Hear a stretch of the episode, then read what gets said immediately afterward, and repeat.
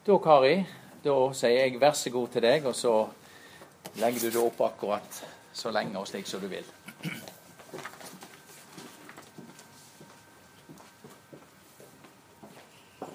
Det er jo en litt farlig ting å si, for da kan det hende jeg holder på til i morgen tidlig. Vi kan gi et lite signal underveis, men du skal bare være frimodig. Ja. Um, jeg må ellers si I går så var jeg ute i Øygarden uh, på et um, pensjonisttreff i Hjelme kirke, tror jeg det heter. Helt lengst nord.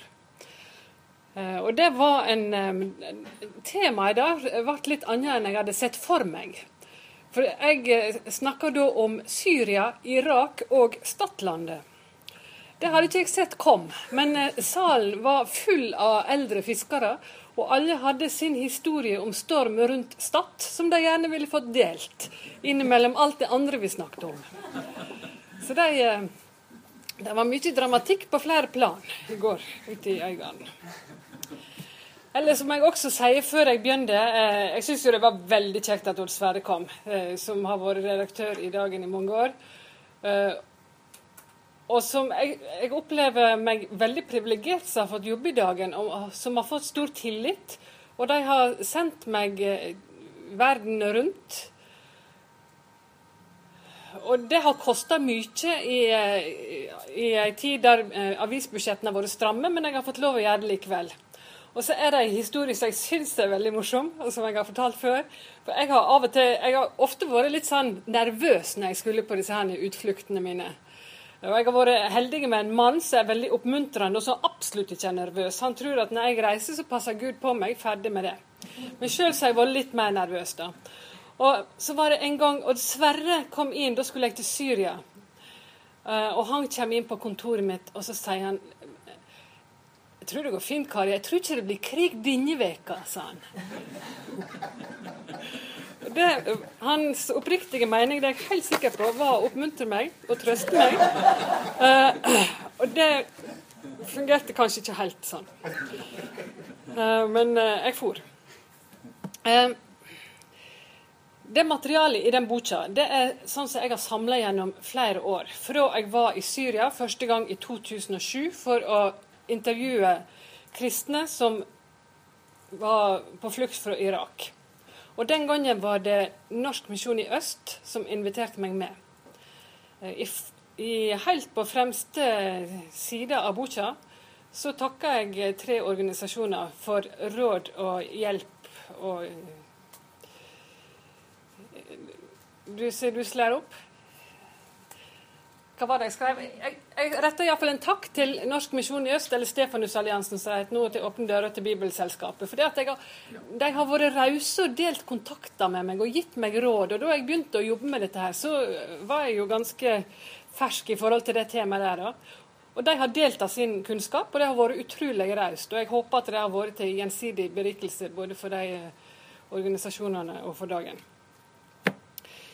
Eh, I boka så skriver jeg altså om forfølgelse av kristne etter invasjonen i Irak i 2003, og det som har skjedd etter at opprøret begynte i Syria i 2011 og etter hvert eh, utvikla seg til borgerkrig. Og Ofte så kan en høre at de som flykter i dag, de snakker om at de blir utsatt for et nytt folkemord. Og Når de snakker om et nytt folkemord, så er det fordi de har erindring om et annet folkemord. Nemlig det som skjedde i Tyrkia for 100 år siden, rundt første verdenskrig. Mange av de som flykter i dag, de er barnebarn og oldebarn av kristne som flykta fra Tyrkia den gangen. Og Derfor så vil jeg begynne eh, det som jeg skal si nå, med å fortelle om en prest som jeg eh, møtte i Sverige. Han heter Jakob Kaselia. Fader Jakob kaller de han. Han kom flyttende til Sverige sammen med sine foreldre på 1960-tallet. Eh, fra et område helt øst i Tyrkia som heter Turabdin. Og han tilhører den syrisk-ortodokse kirka. Han, Fader Jakob han er en klippe i menigheten sin. Han er en omsorgsfull leder. Han lytter og trøster og megler i konflikter og ber for syke og gir råd og er oppmerksom til stede i kirka si fra tidlig morgen til sen kveld. Jeg var der borte og besøkte dem og så hvordan han han var på en måte i kirka hele tida. Folk kom og gikk, og han klemte, og han trøsta, og han bad. Og han var en utrolig flott og samlende person. Um, og samtidig så er han, og mange med han, av de som kommer flyttende fra disse områdene, det er bærere av et, en voldsomt dramatisk historie. Og han, eh, fader Jakob her, han er barnebarn av to mirakel. For begge hans bestemødre berga livet så vidt det var under folkemordet. Han fortalte om da han vokste opp i Sverige. Eh, og hadde ganske mange slektninger rundt seg. Og disse her, de gamle de fortalte disse historiene fra det forferdelige som hadde skjedd. Eh, jeg er jo oppvokst med at de gamle på Stad snakket om krigen. Her snakket de også om krigen, men det var en annen krig. Han vokste opp med disse historiene, og han sa at det gikk inn ene øret ut av hi.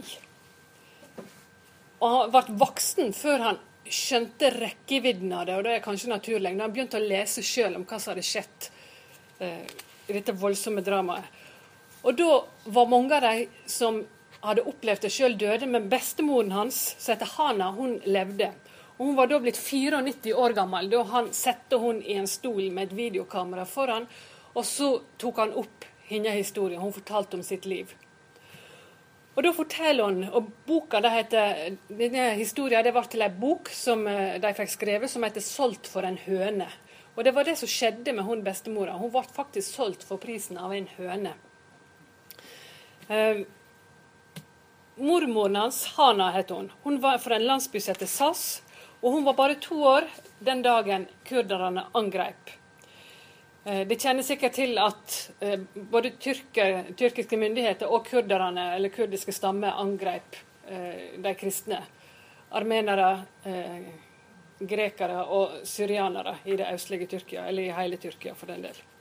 Iallfall, kurderne angrep, og for å redde livet så søkte de kristne i denne landsbyen inn i kirka, som var som en festning.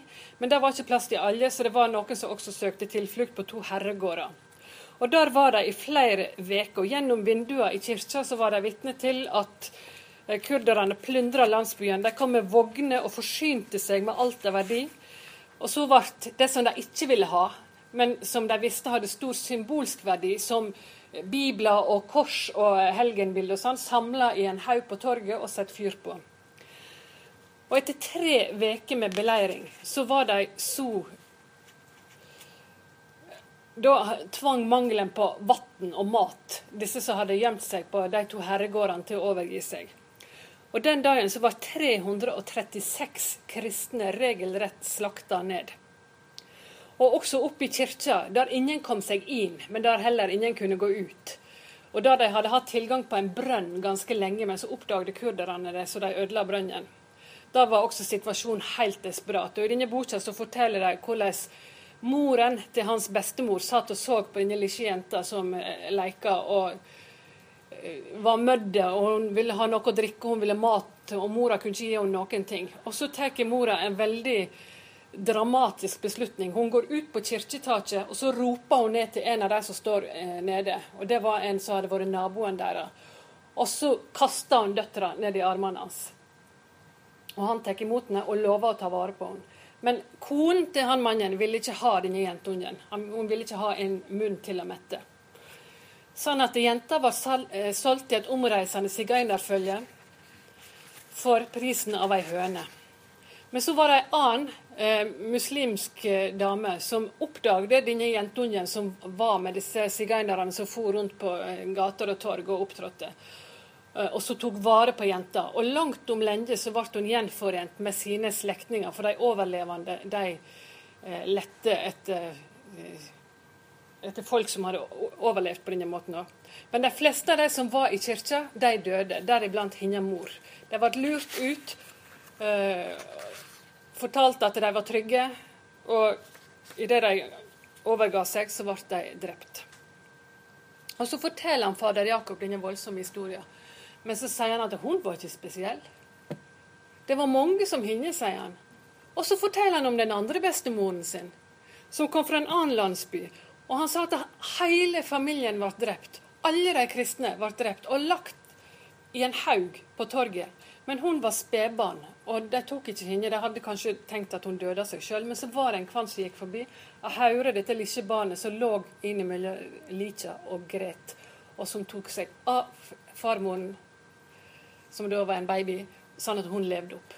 Og også hun ble gjenforent med sine slektninger langt om lenge. Og jeg syns det var eh, voldsomt sterkt å høre historier som han forteller, og så syns jeg det at han må ta sånne forbehold og si at disse var ikke spesielle, det sier noe om rekkevidden av hva det folket har opplevd. Hva tragedie det er de bærer med seg i bagasjen og i den kollektive erindringen, alle sammen. Det sier noe voldsomt om uh, tragediens omfang når folk er nødt til å ta sånne forbehold. Så altså, Det er bare 100 år siden Tyrkia forsøkte å kvitte seg med sine innbyggere. I år feirer jeg feirer er jo helt feil ord. Vi markerer 100-årsminnet for eh, folkemordet. I dag er landet 99% muslimsk. Sånn var det ikke for 100 år siden. Da utgjorde de ikke-muslimske minoritetene rundt 25% av befolkningen i det området som er dagens Tyrkia. Ehm, og det er en veldig synlig eh, endring. Altså det er et veldig iøynefallende bevis på hva som har skjedd i det landet. For så få år, så er de, som 100 år faktisk er, så er har de gått fra 25% ikke-muslimske til at de i dag bare er noen Kanskje en prosent. Svært lite. Over én million armenere ble drepne, over en halv million armenere døde av svolt og sykdommer, og minst en halv million grekere og nær 300 000 syrianske eh, kristne ble tatt av dage. De, de, som vi kaller syrianske, kaller seg også asyriske og, og kaldeiske. De har røtter tilbake til det eh, samme folket, men de er nokså nøye på hva de vil bli kalt. Og 100 år etterpå så spør vi oss hvordan denne tragedien kunne skje. Hva var det som utløste dette avsindige ønsket om å utrydde alle kristne minoriteter i Tyrkia? Og det vi vet er jo at Folkemordet skjedde i en tid da Det osmanske riket vakla i sin storhetstid så hadde dette imperiet strakt seg fra Balkan til Kaukasus og fra Nord-Afrika til eh, Midtøsten. Det var svært. Eh, men nå ble de kristne utpeka som syndebukker. Innenriksministeren i Tyrkia, eh, en av de sentrale ungtyrkiske lederne, han heter Talat Pasha, han mente at det var de kristne som var skylda i at Tyrkia hadde mist både Hellas og Bulgaria og Bosnia og Egypt og deler av nåværende Libya. De var sett på som en sikkerhetsrisiko som spioner og fremmede makter sine allierte. Og særlig armenerne, da, som var bosatt både på tyrkisk og russisk side av grensa, ble mistenkt for å stå i ledtog med erkefienden, som da var Russland. Og Samtidig så var de kristne folkegruppene ofte framgangsrike forretningsfolk og håndverkere med gode internasjonale forbindelser. På 1800-tallet hadde armenerne starta egne sykehus, de hadde skoler, de hadde forlag, de hadde aviser, teater, operahus i Konstantinopel, altså dagens Istanbul. Og Trolig så var den velstanden en av grunnene til at de falt i unåde. Det handla rett og slett om misunnelse. Og det fantes en forestilling om at de kristne berika seg på tyrkerne sin bekostning. Og så var det også lette å ta fordi de skilte seg ut med religionen sin. Å mobilisere langs religiøse skillelinjer det var veldig effektivt i det tyrkiske samfunnet. Fordi at religionen i århundrer hadde delt innbyggerne i et A- og et B-lag.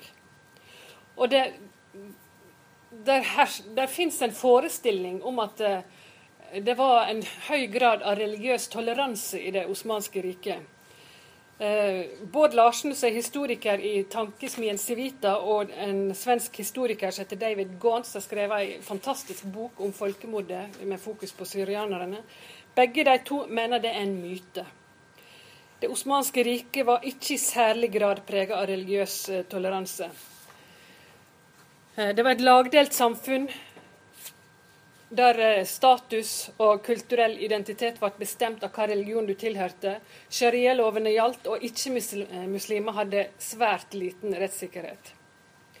Og dessuten, den religiøse undertrykkelsen kom stadig til syne ved at kristne igjen og igjen ble stilt over for dette valget, som vi også hører i våre dager, konvertert til islam eller død.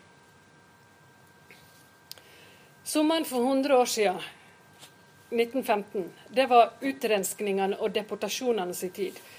Vi vet at dødsmarsjene gikk fra Anatolia gjennom ørkenen mot Aleppo og lenger sør i Syria. Forferdelige scener som utspant seg. Eh,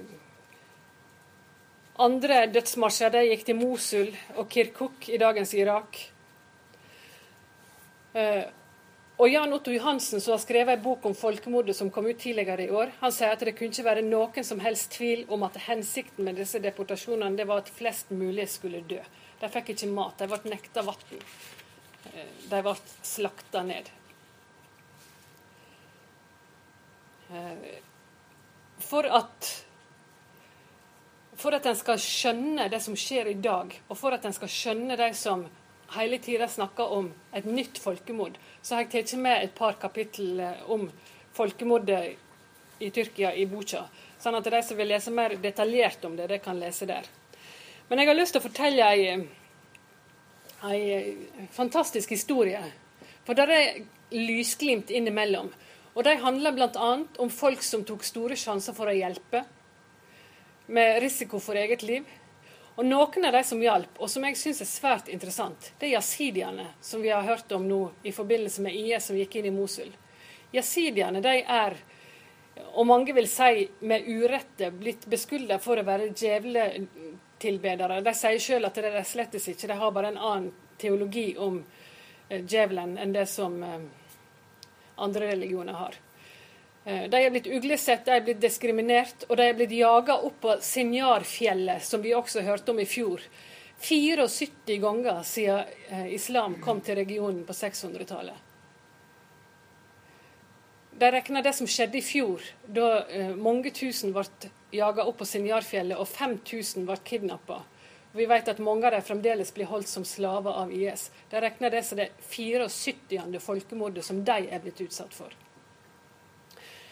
Under det folkemordet som vi snakker om her i 1915, så hjalp jasidiene de kristne i Tyrkia. De hjalp dem med å smugle inn forsyninger til landsbyer som var under beleiring. Og de gikk ned fra Sinjarfjellet og hjalp folk som kom gjennom ørkenen i disse karavanene. Klarte å få med seg noen opp på dette fjellet sitt. Og han David Gahn skriver i sin bok at de etter hvert etablerte eget sykehus, skole og eh, kirke for de kristne på Sinjarfjellet. Det syns jeg var en, eh, en, vakker historie, når en tenker på hvor utskjelte disse jasidi-folket er.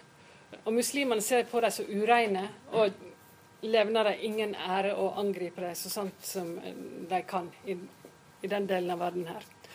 Og så er det ei historie om en landsby som heter Ainvardo. Det var to landsbyer i Tyrkia, blir det sagt, der de kristne forsvarte seg med våpen, og der de faktisk klarte å, ta, å stå imot angriperne. Og En av de landsbyene heter Einvardo. Og På folkemunne så blir den kalt Noas ark. Eh, og den ligger i dette området her mellom eh, Madin og Midyat oppi der et sted. Du har kanskje vært der? Nei. Um, her ser vi Mosul, som uh, IS gikk inn i i fjor. Og her er de kurdiske områdene. Men det kan jeg komme tilbake til senere. Iallfall. Einvardo, den landsbyen, den er på en måte en naturlig festning. De ser kirka som ligger oppe på toppen der, og de ser den lange, slake fjellsida uten vegetasjon. Det er umulig å lure seg inn på Einvardo hvis det blir holdt vakt fra kirketårnet. Og det holdt de. Altså, de holdt vakt denne dramatiske våren i 1915. For de hørte at eh, dramatiske ting var i ferd med å skje i de kristne landsbyene rundt. Og de opplevde etter hvert at flyktningene begynner å komme. Den ene familien etter den andre kom med dyra sine og eiendelene sine fordi en visste at Einvaddo var den tryggeste plassen å være. Og det blir fortalt at Innbyggerne i denne landsbyen de begynte tidlig å kjøpe gevær. og Det var gammeldagse munnladningsgevær som måtte avfyres med lunte, men de gjorde nytten.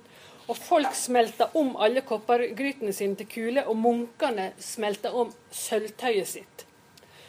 Og Gjennom uker og måneder så drev de og gjorde små forbedringer i gangen Sånn at de ikke skulle vekke oppsikt og fienden skulle skjønne hva de holdt på med. Men det de faktisk gjorde, var at de lagde seg en festning oppå der. De grov tunneler mellom husene, sånn at de kunne gå fra hus til hus uten å bli beskutt. Og de la seg opp mat, og avlingene ble høsta inn tidligere enn vanlig. Og de kjøpte opp et skikkelig forråd med kveite. Og Derfor så var innbyggerne i Envardo klar den fredagen i juli i 1915, da en styrke på 13 000 mann sto ned på denne sletta her nede og var klar til å ta imot dem. De var, da var det 7000 kristne som var samla oppe i landsbyen. 13 000 mann sto ned på denne sletta. Jeg kan tenke meg at det, det formelig dirra i lufta av spenning. De valgte en leder som heter Shabo. Og han brukte ukene før dette angrepet godt. Annet så sørga han for å styrke relasjonene med jasidiene. Og han samla menn som kunne slåss. Og om natta så kledde de seg i svart, blir det sagt, og så eh, lurte de seg ut og redda inn folk som var såra fra andre landsbyer, og stelte dem i en Einvardo. Og samtidig så fikk de fretta nytt. De fikk hørt hva som skjedde i andre landsbyer. Og sånn fikk de vite at det var en gjennomgående strategi. Og forsikre de kristne om at bare de gir fra dere våpnene deres, så er de trygge. Men med en gang de ga fra seg våpnene, så ble de slakta ned. Eh, og så blir det fortalt om biskopen som, som formante de kristne om at det var deres plikt å slåss.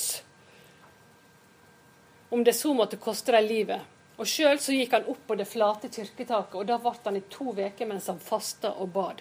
Og så kom angrepet. Og det ble voldsomt. Og i ti dager så var det kraftige kamper. Og Da er det skrevet en fantastisk bok om eh, denne regionen her som heter 'I skyggen av Bysants'. Kanskje noen av dere har lest den. Hvis ikke, så må de absolutt lese den. Det er en klassiker. Um, og Der er det en som heter Abuna Shabo, en prest, som forteller til forfatteren. Han, eh, Abuna Shabo han var en liten gutt da dette skjedde. Han sier at jeg husker at det en gang var så kraftige kamper at folk sprang vekk fra murene og begynte å trekke seg tilbake til kirka. Men munkene som var lederne våre, de trua med å skyte alle sammen, de som sprang fra sin post. Sånn at Forsvaret holdt stand. Folk kom tilbake og gjennomtok eh, kampene. Og det at denne bitte lille landsbyen skulle være umulig å erobre, det vakte oppsikt. Og snart kom det flere klanledere og slutta seg til. For at de kunne ikke ha det på seg at de ikke klarte å ta de kristne. Men likevel så, så måtte de gi opp. Og Det blir fortalt om Einvardo sine kvinner som gjorde en uvurderlig innsats for å holde oppe motet hos mennene sine. Ikke bare kasta de stein, det gjorde de i rikt monn. Men de ropte oppmuntrende slagord, og de siterte dikt, og de sang. Mens mannfolka sloss. Og ungene de hadde sin egen måte å forvirre fienden på. Lenge etter at kornet var ferdig treska, de, tres, de slo med sånn stokker på bakken. Og lenge etter at kornet var ferdig å treska, så, eh, så fortsetter de å slå på bakken med disse stokkene. Og det skal ha virka særdeles demotiverende på disse her nede på sletta. For de fikk inntrykk av at oppe i en Vardo, der har de så mye mat at de kan holde på til jul. Det er umulig å svelte dem ut. Og så begynte det å gå rykter blant muslimene nede på sletta om at de kristne oppe i Noas ark hadde overnaturlig hjelp. De som hadde forsøkt å skyte biskopen, som holdt på å faste opp på dette flate kirketaket, de hevda at kulene kom i retur og traff dem sjøle. Og det ble eh, snakka om at Guds hånd beskytta landsbyen, og andre de sa at de mente at de hadde sett at de kristne sine helgener sloss sammen med innbyggerne. Og til slutt, da, så etter 52 eller 60 dager, kildene sier litt forskjellige ting, så fikk en forhandla fram en, en fredsløsning. Eh, og de fikk faktisk gå. De overlevde. De 7000 som søkte tilflukt oppe i Einvardo, de redda stort sett livet, bortsett fra de som falt i kamp. Uh, for de kristne Jeg må forresten vise et bilde av kirka før jeg går videre. Her er, der er hun litt nærmere. Og der er bildet av eh, talerstolen, eller lesepulten, som de setter ut. Fordi at de ville ikke samle alle inn i kirka når de hadde gudstjeneste, for da følte de seg mer sårbare. Så de hadde gudstjeneste ute, sånn at de kunne høre hva som skjedde. Og imens så sto det vakter oppe på kirketaket og følge med. Og Samtidig så ser de at døra er veldig lav og trang, sånn at det er bare én og én mann som kan gå inn. Og da hadde de som var inne, større kontroll. De kunne ikke stormes på noe vis i den kirka. Hun er virkelig en festning, den kirka. Det er fantastisk. Hvis det blir litt fredeligere i det østlige Tyrkia, så må de reise til dette området. Det er ubeskrivelig flott å se. Så mange gamle kloster, så mange eh, minner fra det som en det som er vår felles kristne arv. For det var jo til disse landene kirka kom først. Til Syria og Irak og Tyrkia så kom den kristne kirka veldig tidlig. For de kristne i regionen kan du kanskje si at elendigheten begynte for 100 år siden. For meg så begynte det med møtet med hun dama her møtet med hun fikk meg til å fatte litt av det store dramaet som de kristne i Irak og Syria har gått gjennom. Jeg traff henne på min første tur til Syria i 2007. Det var seint på høsten, og det var en kveld, og jeg husker det var mørkt. Vi gikk inn gjennom disse dårlig opplyste gatene eh, og skulle snakke med henne. Vi, vi møtte flere kristne flyktninger fra, fra eh, Irak. Og hun, jeg husker at Vi gikk opp ei bratt tropp, og jeg husker at folk kom ut dørene lenger nede og lurte på hvem det var som kom. De var nysgjerrige. Og så kommer vi opp til den leiligheten som hun hadde, hvis vi kan kalle det det. Eh, to nakne rom helt på toppen. Og Hun fortalte at det tar ikke lak, det regner igjennom. Hun hadde nesten ingenting å hjelpe seg med, og der bodde hun sammen med sine fire barn. Og Det eneste de hadde å sitte på, var et par sånne plastikkstoler som vi av og til har ute i hagene våre. Nå har vel de fleste sånn som likner på rottingmøbler. Men eh, for en, en, tid tilbake så var det sånt vi satt på i hagene våre. Og det var det eneste hun hadde i sitt hus. Og det eneste hun ellers hadde, det var dette bildet av eh, mannen sin på veggen og av Jesus. Og så forteller hun historien sin. Og I boka har jeg kalt henne Sara. Det er ikke hennes virkelige navn. Hun var redd for uh, Altså, hun frykta for sikkerheten sin. Hun ville ikke uh, ha at det, det, virkelige navnet skulle offentliggjøres. Men hun kom altså fra en bydel som heter Dora i Bagdad, altså hovedstaden i Irak. Eh, I 2006 så ble det gjennomført rene kampanjen mot de kristne i Dora. Veldig mange kristne fikk trusselbrev levert på døra. Men det som skjedde med hun her først, det var at mannen tok seg jobb hos eh, de amerikanske invasjonsstyrkene som sjåfør. Og De visste at det var kjempefarlig, men de måtte rett og slett ha inntekter. Var, Irak var i 2006 et svært krigsherja land, og det var vanskelig å skaffe mat på bordet, rett og slett. Og Så gikk det en stund, og så kom den telefonen som han hadde vært så redd for. Da var mannen kidnappa. Og kidnapperne krevde et voldsomt beløp i løse penger. Hun solgte smykkene sine, hun solgte bilen, hun solgte alt hun hadde av verdi, og familien gjorde det samme og hjalp henne. Og Til sammen så klarte de å skrape i hop det som kidnapperne trang. Og det ble betalt ut. Og Så går det en dag, og så ringer telefonen igjen. og Hun håper at nå skal hun få igjen mannen sin. Men da er det politiet som ringer, og som forteller hun at uh, mannen din er død, du må komme og hente kroppen hans. Og Da har kidnapperne skutt han. Og Så tror hun at nå er bunnen nådd, men det var ikke han. For da gikk det noen dager, og så kommer dette brevet til henne, som veldig mange andre opplevde å få i døra på samme tid. Det er et trusselbrev, og det var under, underskrevet av eh, denne terrorgruppen, eller islamistgruppen, som heter Mujahedin. Og det var stila til vantruende Sara, eller det hun egentlig het. Og dette er straffa fordi at du tilhører de vantru sin eh, religion, og fordi du ikke bruker hijab. Og så fikk hun dette her eh, valget som så veldig mange andre har fått. Enten konverterer du til islam, eller så dreper vi deg. Og hun valgte å flykte, som veldig mange andre. Eh, Irak etter 2003 det var jo demokrati det skulle bli, ikke sant?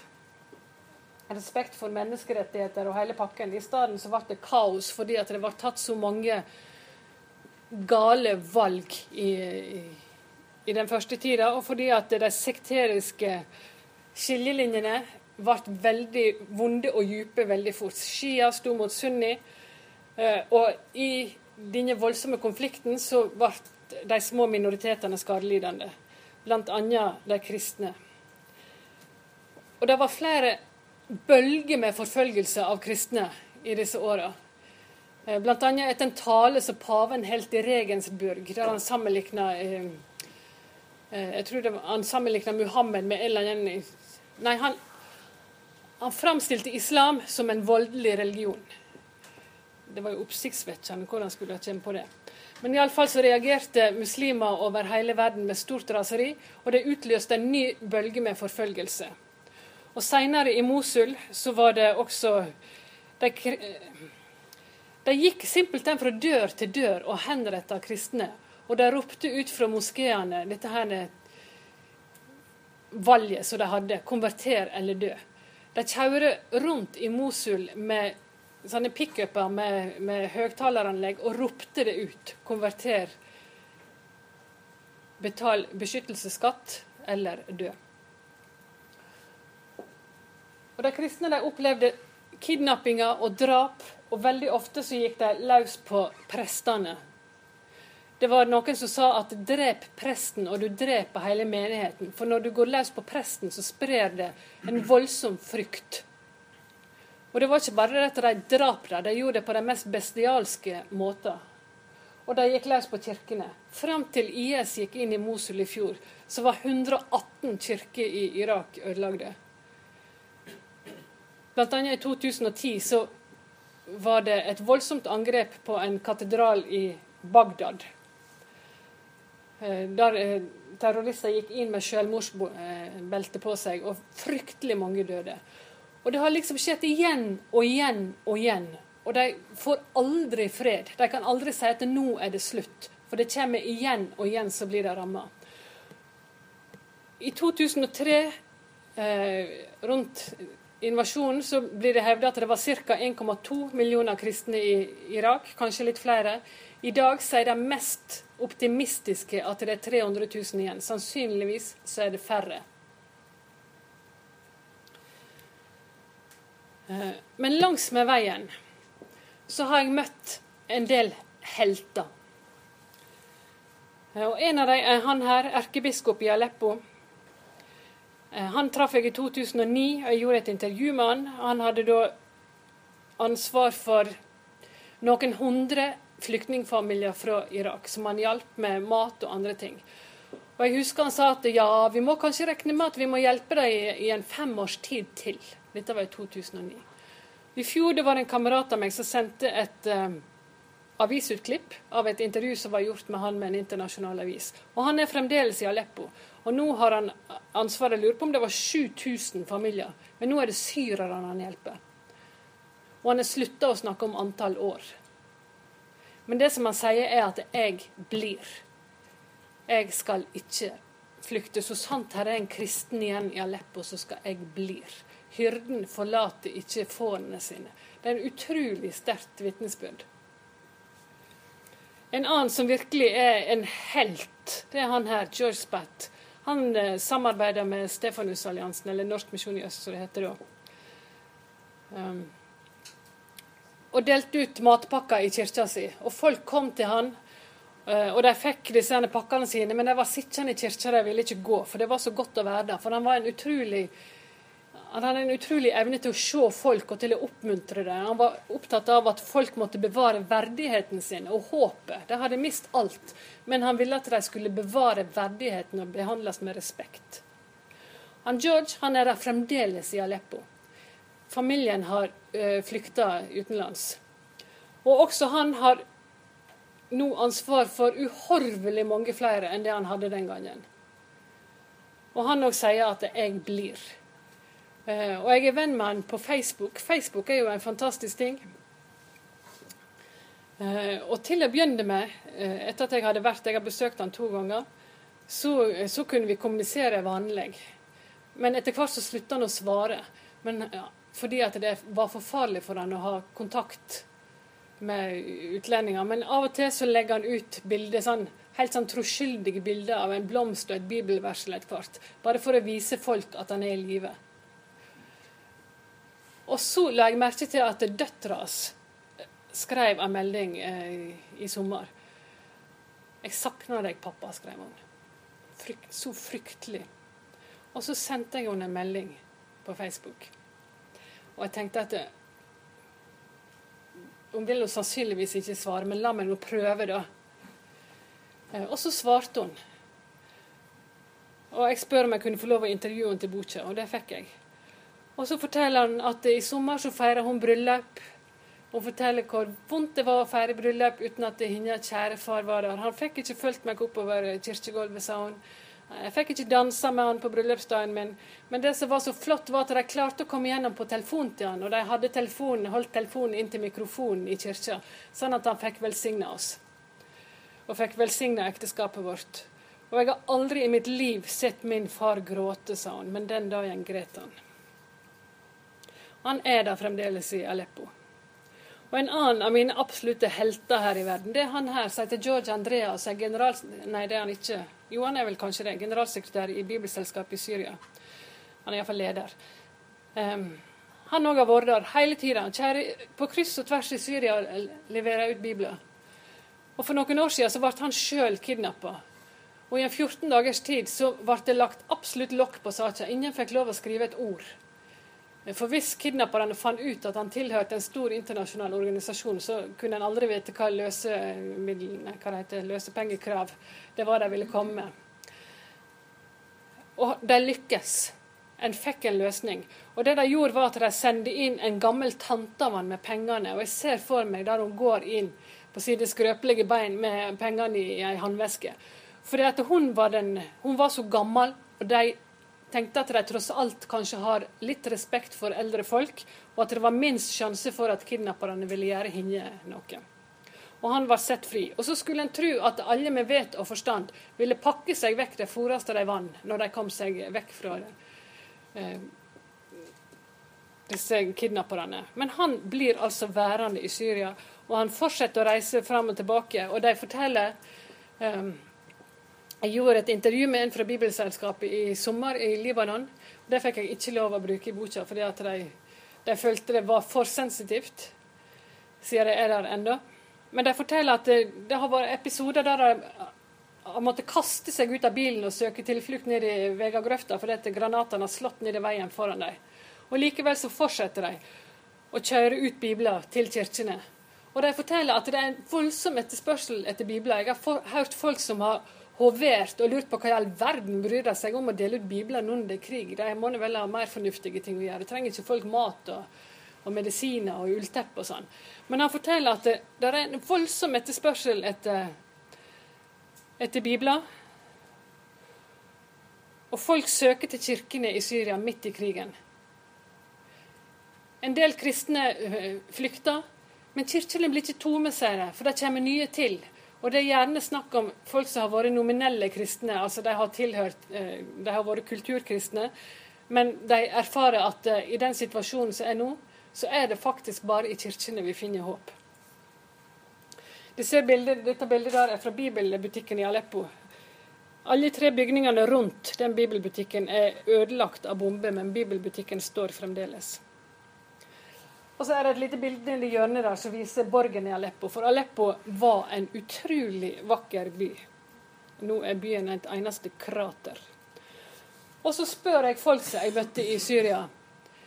Ehm, for det var ikke bare historiene fra flyktningene som gjorde inntrykk på meg. Det gjorde også djupt inntrykk å møte alle disse kirkene som gjorde en sånn voldsom innsats for flyktningene. Og jeg spør hva er det som er motivasjonen? Og de svarte meg at jo, selvfølgelig så er det det kristne nestekjærlighetsbudet, vi skal hjelpe nesten vår, så er det kulturen vår. Her hjelper vi hverandre. Og dessuten, sa de, i denne delen av verden så skifter forholdene så fort. Vi veit ikke når det er vår tur. Og dette ble sagt i 2009, og så går det altså kun to år. Og så har forholdene skifta, og det er syrerne sjøl som trenger hjelp. I 2011 så brøt opprøret løst. Dette her er fra den byen sør i Syria som heter Dera, der opprøret mot Assad begynte. Men før jeg forteller mer om Syria, så vil jeg gå tilbake til Irak. For i 2013 så var jeg tilbake til Irak. Eh, da var det ti år siden invasjonen, og da var det en voldsom optimisme i de kurdiske områdene. Faktisk var Kurdistan på det tidspunktet en av verdens raskest voksende økonomier. De hadde olje, eh, det var relativt fredelig, ting gikk bra. Det var mange piler som pekte i riktig retning. Og vi besøkte han karen oppe i hjørnet der som sitter bak skrivebordet. Han var ordfører i en bydel som heter Ankava i Erbil. Erbil er den største av de kurdiske byene og er på en måte regna som hovedstaden i Kurdistan. Og han sa alt er godt her nå. Nå må folk komme hjem igjen. Alle flyktningene som har reist, nå må de komme tilbake, og så må de være med å bygge landet, for nå går det så fint. Nå, det, nå går det fint. Bare se ut vinduet, se på alle heisekranene, se hva vi bygger hus. Amerikanerne skal opprette konsulat her. Det var liksom Alt er bra. Ingenting å bekymre seg for. Folk kan bare komme hjem, og de skal få all mulig hjelp. Og jeg tror faktisk han mente det. Men så var det en del skyer på horisonten, bl.a. den leiren, eh, flyktningleiren der som er oppe litt lenger nord i landet, som var full av syriske flyktninger. Og som sa et eller annet om hva som kanskje var i emning. Og så måtte jeg faktisk til, Syr nei, til Irak for å bli utvist fra ei kirke. Han karen her sto med sin kalasjnikov utafor ei gammel kirke i Erbil. Og vi kom der. Jeg var der sammen med to dansker, en journalist og en fotograf. Og vi ville gjerne være med på ei gudstjeneste. Men vi fikk ikke lov å komme inn. Og vi sa at eh, vi er kristne, vi har bare gått i, i Vi vil dere bare vel, kan ikke vi få lov å komme inn? Nei. Og Jeg prøvde til og med å bestikke den med sånn eh, big size eh, melkesjokolade som jeg hadde kjøpt på taxfree-en. Nei, helt. Og jeg ble faktisk lei meg. For hvis det er noen plass jeg regner med at jeg skal få lov å komme inn, så er det inn i, inn i kirkene. Jeg regna ikke med å bli stoppa i døra på ei kirke. Men med en gang jeg hadde kommet meg over mine egne såra følelser, så fikk jeg utrolig vondt av dem. For sjøl i relativt trygge Erbil på den tida, så var de så redde. Og det sa noe om hva de har vært gjennom i, det, i løpet av disse åra. Og så snakket vi med andre folk Eh, i Kurdistan og lurte på hvordan de hadde det. Og de sa at jo, vi har det rimelig greit nå. Men vi vet ikke hvor lenge det varer. For det er sånn i denne delen av verden at forholdene skifter så fort. De sa omtrent det samme som de hadde sagt til meg i Syria noen år før. Vi vet ikke hva tid forholdene skifter. Snart så kan det være helt annerledes. Og så går det altså ett år fra dette ble sagt, og så dundrer IS inn i Mosul, som ligger så kort, hvis vi nå ser på kartet. Der er Bill, der er Mosul. Mest, I de mest intense dagene så sto altså IS rett utafor her. Det var snakk om noen få mil. Og så begynte amerikanerne å bombe, og da eh, snudde det.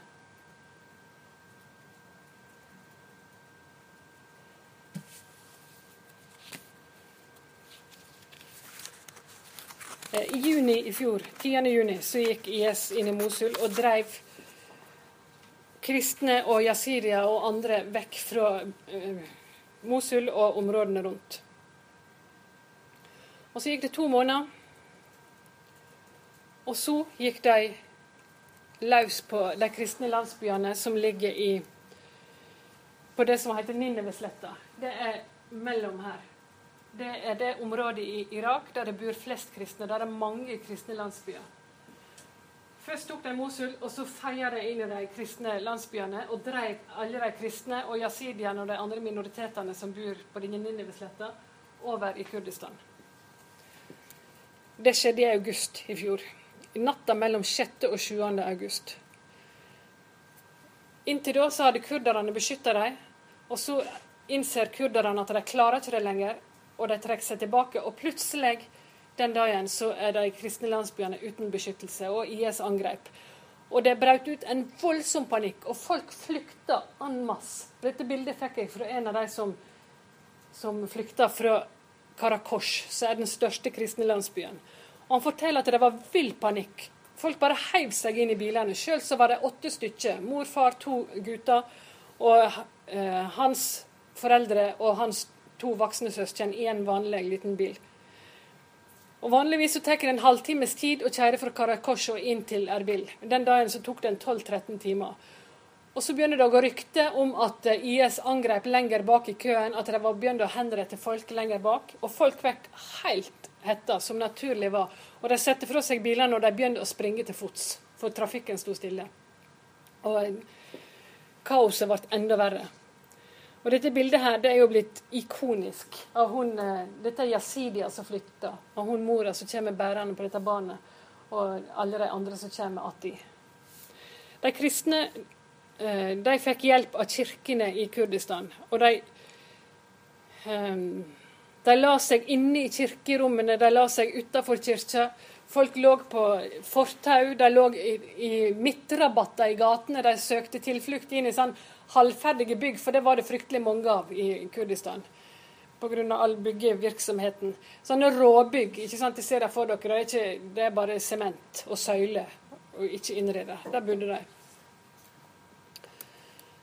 Um, og så i fjor, rett før jul, da var jeg tilbake i, um, i Kurdistan. Og da traff jeg bl.a. han her som heter erkebiskop eh, Daoud. Han var erkebiskop i Mosul. Og han sier at han var den siste presten som forlot Mosul da IS angrep. Og han viste bilde av katedralen sin, som var fra Han er 1700 år gammel, den katedralen. Han var full av uerstattelige klenodium, gamle manuskript. Alt er ødelagt. Katedralen er blitt moské. De har revet ned korset oppå kuppelen. Og han som reiv ned korset, var naboen hans. Og de føler et voldsomt svik. Og Han viste bilder av denne katedralen på datamaskinen sin, og han gret. Og Det gjør veldig inntrykk å se en voksen mann som sitter og gråter og viser bilder av kirka si på denne måten der. Han sa at de tok fra oss alt. Katedralen, de gamle bøkene, verdigheten. Men det eneste de ikke har klart å ta fra oss, det er trua vår. Den har vi. Og den skal bære oss. Og så var det andre ting òg som var eh, utrolig vakkert, syns jeg. Eh, de kristne i Kurdistan prøvde å gjøre det de kunne for å hjelpe. Blant annet så var det en katolsk prest som hadde satt opp ei julekrybbe i eh, flyktningleiren for å gi dem håp og vise at livet er ikke over selv om de har mista så mye, og minne dem på at eh, hallo, folkens, det har vært godt folk før som har vært flyktninger. Frelseren sjøl var faktisk flyktning. Nå ligger han her sammen med dere. Det går bra.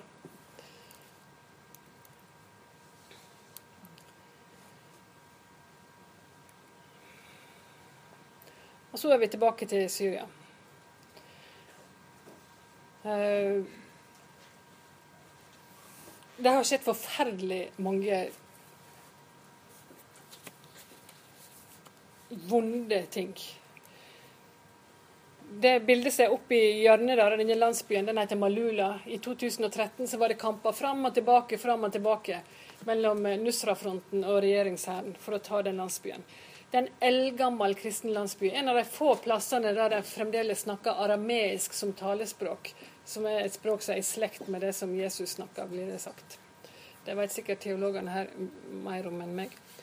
Og så er det disse to erkebiskopene neonde som ble kidnappa nord for Aleppo i 2013, og ingen vet hvor det er blitt av dem.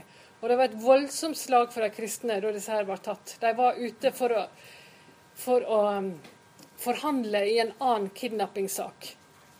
Det var en prest som var kidnappa. Det var to prester faktisk som var kidnappa. Og så blir de sjølve tatt.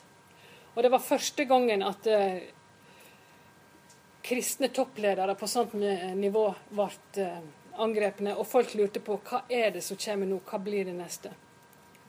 Det bildet her det viser Aleppo sånn som det var. Moskeen ligger ved siden av kirka. Kristne og muslimer har levd rimelig greit ved siden av hverandre. I noen perioder så har det vært et naboskap som har vært krevende. I andre perioder har det gått bedre. Men det har, de har funnet en måte å gjøre det på. Og så, i dag, ser det sånn ut. Aleppo, den utrolig vakre byen, er et, en ruinhaug. Jeg så en sånn dronevideo på nett De kan kanskje finne den sjøl hvis de googler 'drone video Aleppo'. Som var kryssklippa sånn før og nå-bildet, som viste hvor flott det var før, og hvor forferdelig det er nå. Alle disse voldsomme hullene i bakken etter bombenedslag.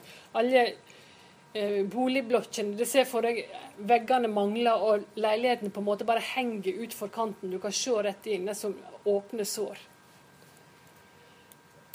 Og så, i år Helt nord i Syria, oppi her eh, Dette kartet er ikke detaljert nok, men her går ei elv her som heter Kabur.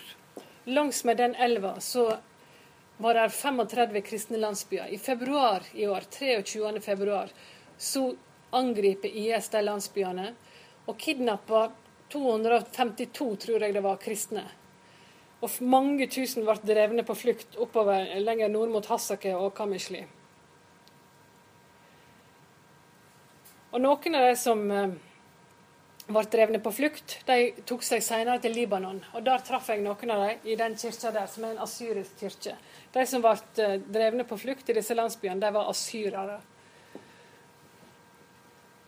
Og de var utrolig bekymra, som eh, naturlig var, for de slektningene sine som fremdeles var fanga hos IS.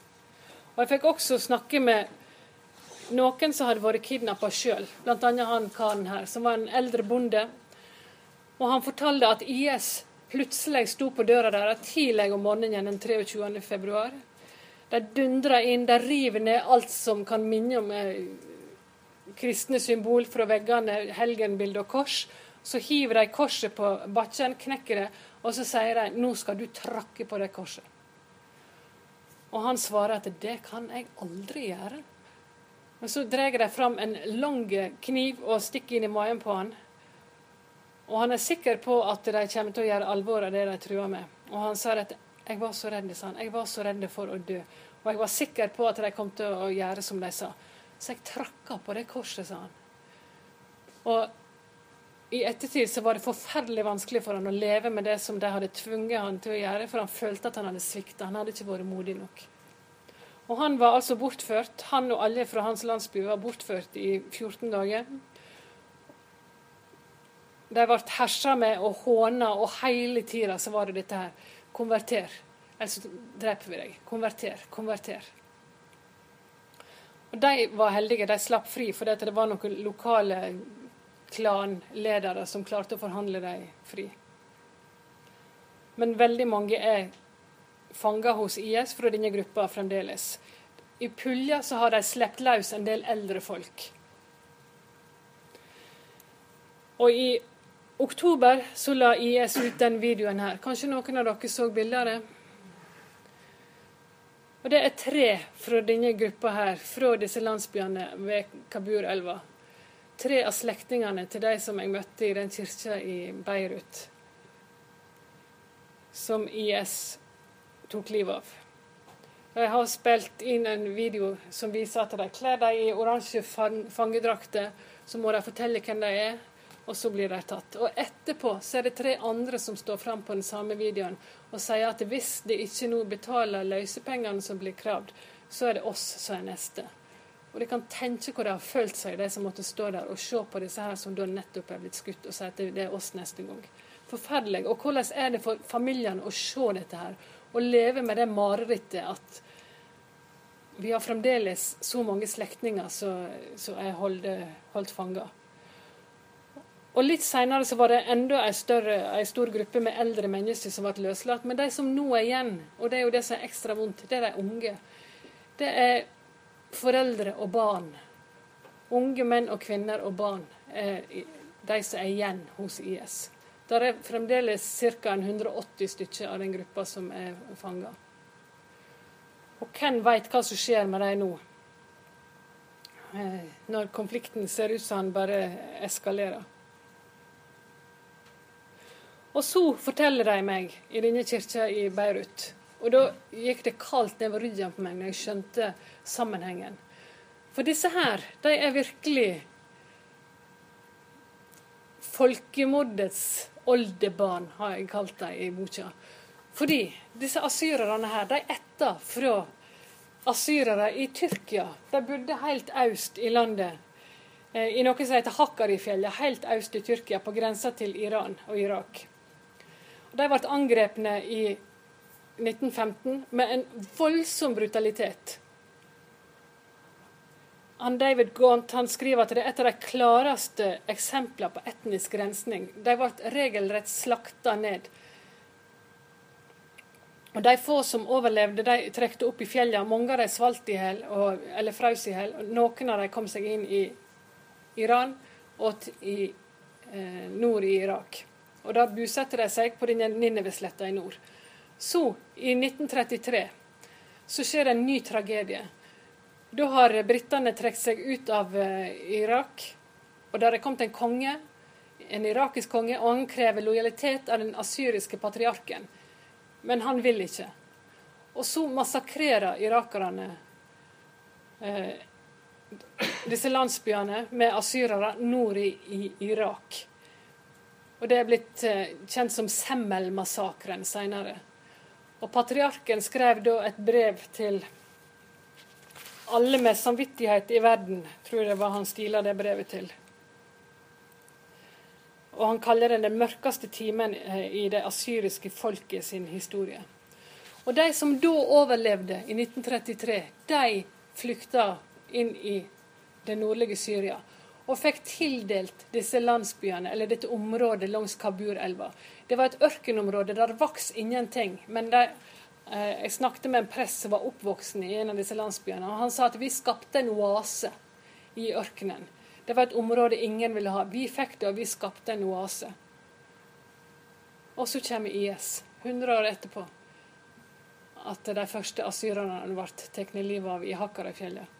Så tre ganger i løpet av 100 år så er disse asyrerne ramma av sånne voldsomme tragedier og så kan jeg lure på hvorfor de kristne nå føler at det, det er ikke noe plass for dem lenger i, i, Irak og i Syria. De er blitt fremmede i det landet som de ikke Ikke bare at det, den kristne kirke har vært der i nesten 2000 år, men de fører jo historien sin som folk langt, langt, langt, mange tusen år tilbake. Tilbake til eh, Abraham, mener de. De har vært, Vi har alltid vært der. Vi var her først. Nå blir de jaga vekk. Det bildet der er fra dette området øst i Tyrkia, fra Turabdin. Eh, der snakket jeg med han her karen som satt på en veranda og så over grensa inn i Syria.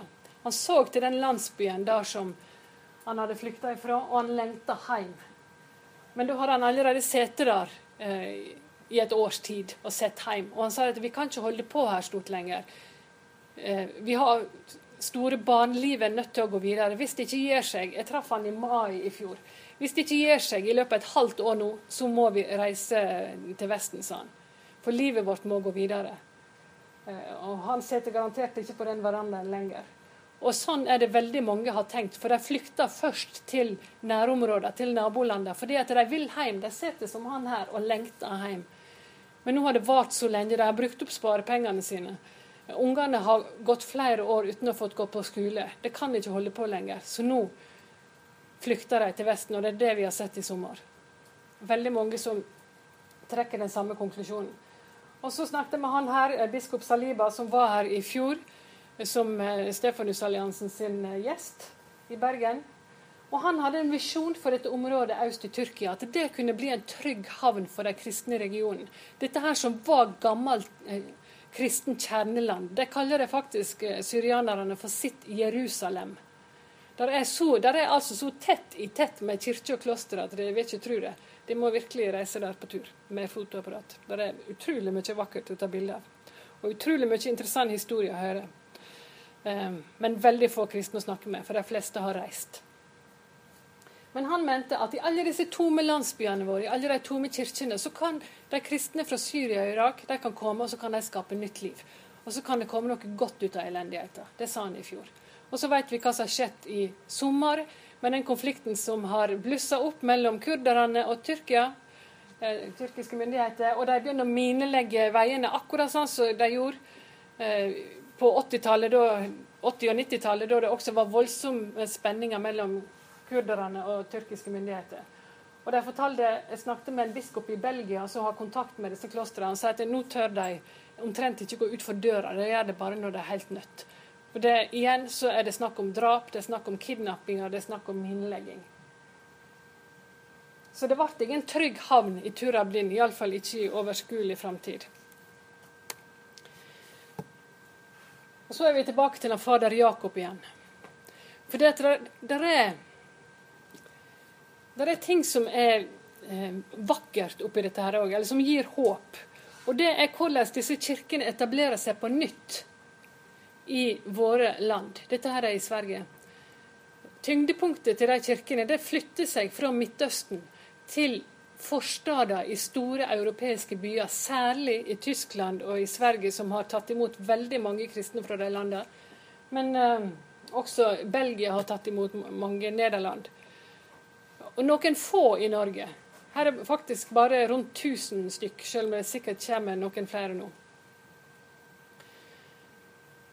Og de etablerer sine kirker, og de lærer opp ungene sine. Og Fader Jakob han samler ungene rundt seg, og han lærer dem liturgien, han lærer dem de gamle bønnene. Han lærer dem det kirkelige språket, sånn at de skal klare å ta vare på trua si og på den kirkelige tradisjonen. Og han biskopen i, som jeg snakket med Det var forresten i Holland han holdt til, i et, i et syriansk kloster, syrisk-ortodoks kloster i Holland. Han sa at det, det, er forferdelig, det som skjer. Men kanskje kan det komme noe godt ut av det. For det at kirka står sterkt i vårt folk. Og kanskje kan vi sette nytt mot i kirka i Vesten, som mange plasser er veldig svekka. Kanskje kan vi sammen klare å skape noe for framtida. Kanskje kan det bli Vi spiller forskjellige instrument eller forskjellige toner. Vi har litt forskjellige tradisjoner, sa han. Men kanskje kan det bli en vakker harmoni. Det var det bildet han brukte. Hvis vi, hvis vi samarbeider. Men det forutsetter jo at en faktisk har kontakt med dem. Og at en, at en ikke isolerer seg hver på sin tue bak hver sin kirkedør, men at en faktisk har kontakt. Og der er så mye åndelig liv i disse miljøene som kommer, der vi absolutt har noe å, å lære og bli berika av. Så det er, ikke, det er, ikke, bare snakk om at vi skal hjelpe dem, på ingen måte. Og sånn er det alltid i forhold til forfulgte kristne. Der det, det går begge veier. De har så mye å tilføre oss. Og så må jeg fortelle dere før jeg nå gir meg hele tida når jeg har jobba med den eh, boka, så har jeg vist folk som jeg har snakket med, bilder av hun Sara som jeg intervjua i Damaskus i 2007, og spurt er det noen, har du sett hun her. Veit du hvem hun er? Kan du ha hørt noe om hvor det er blitt av henne? Og ingen har visst noen ting.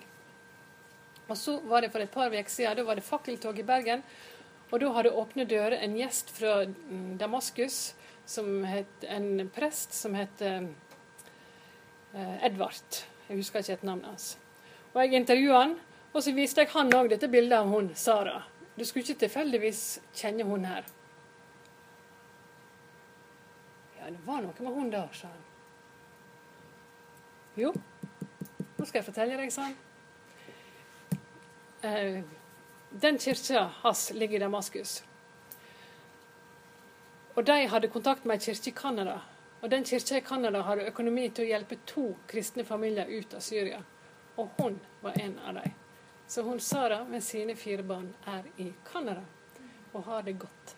Og det var utrolig deilig å høre, for jeg har tenkt så mye på henne i så mange år. Da tror jeg jeg gir meg.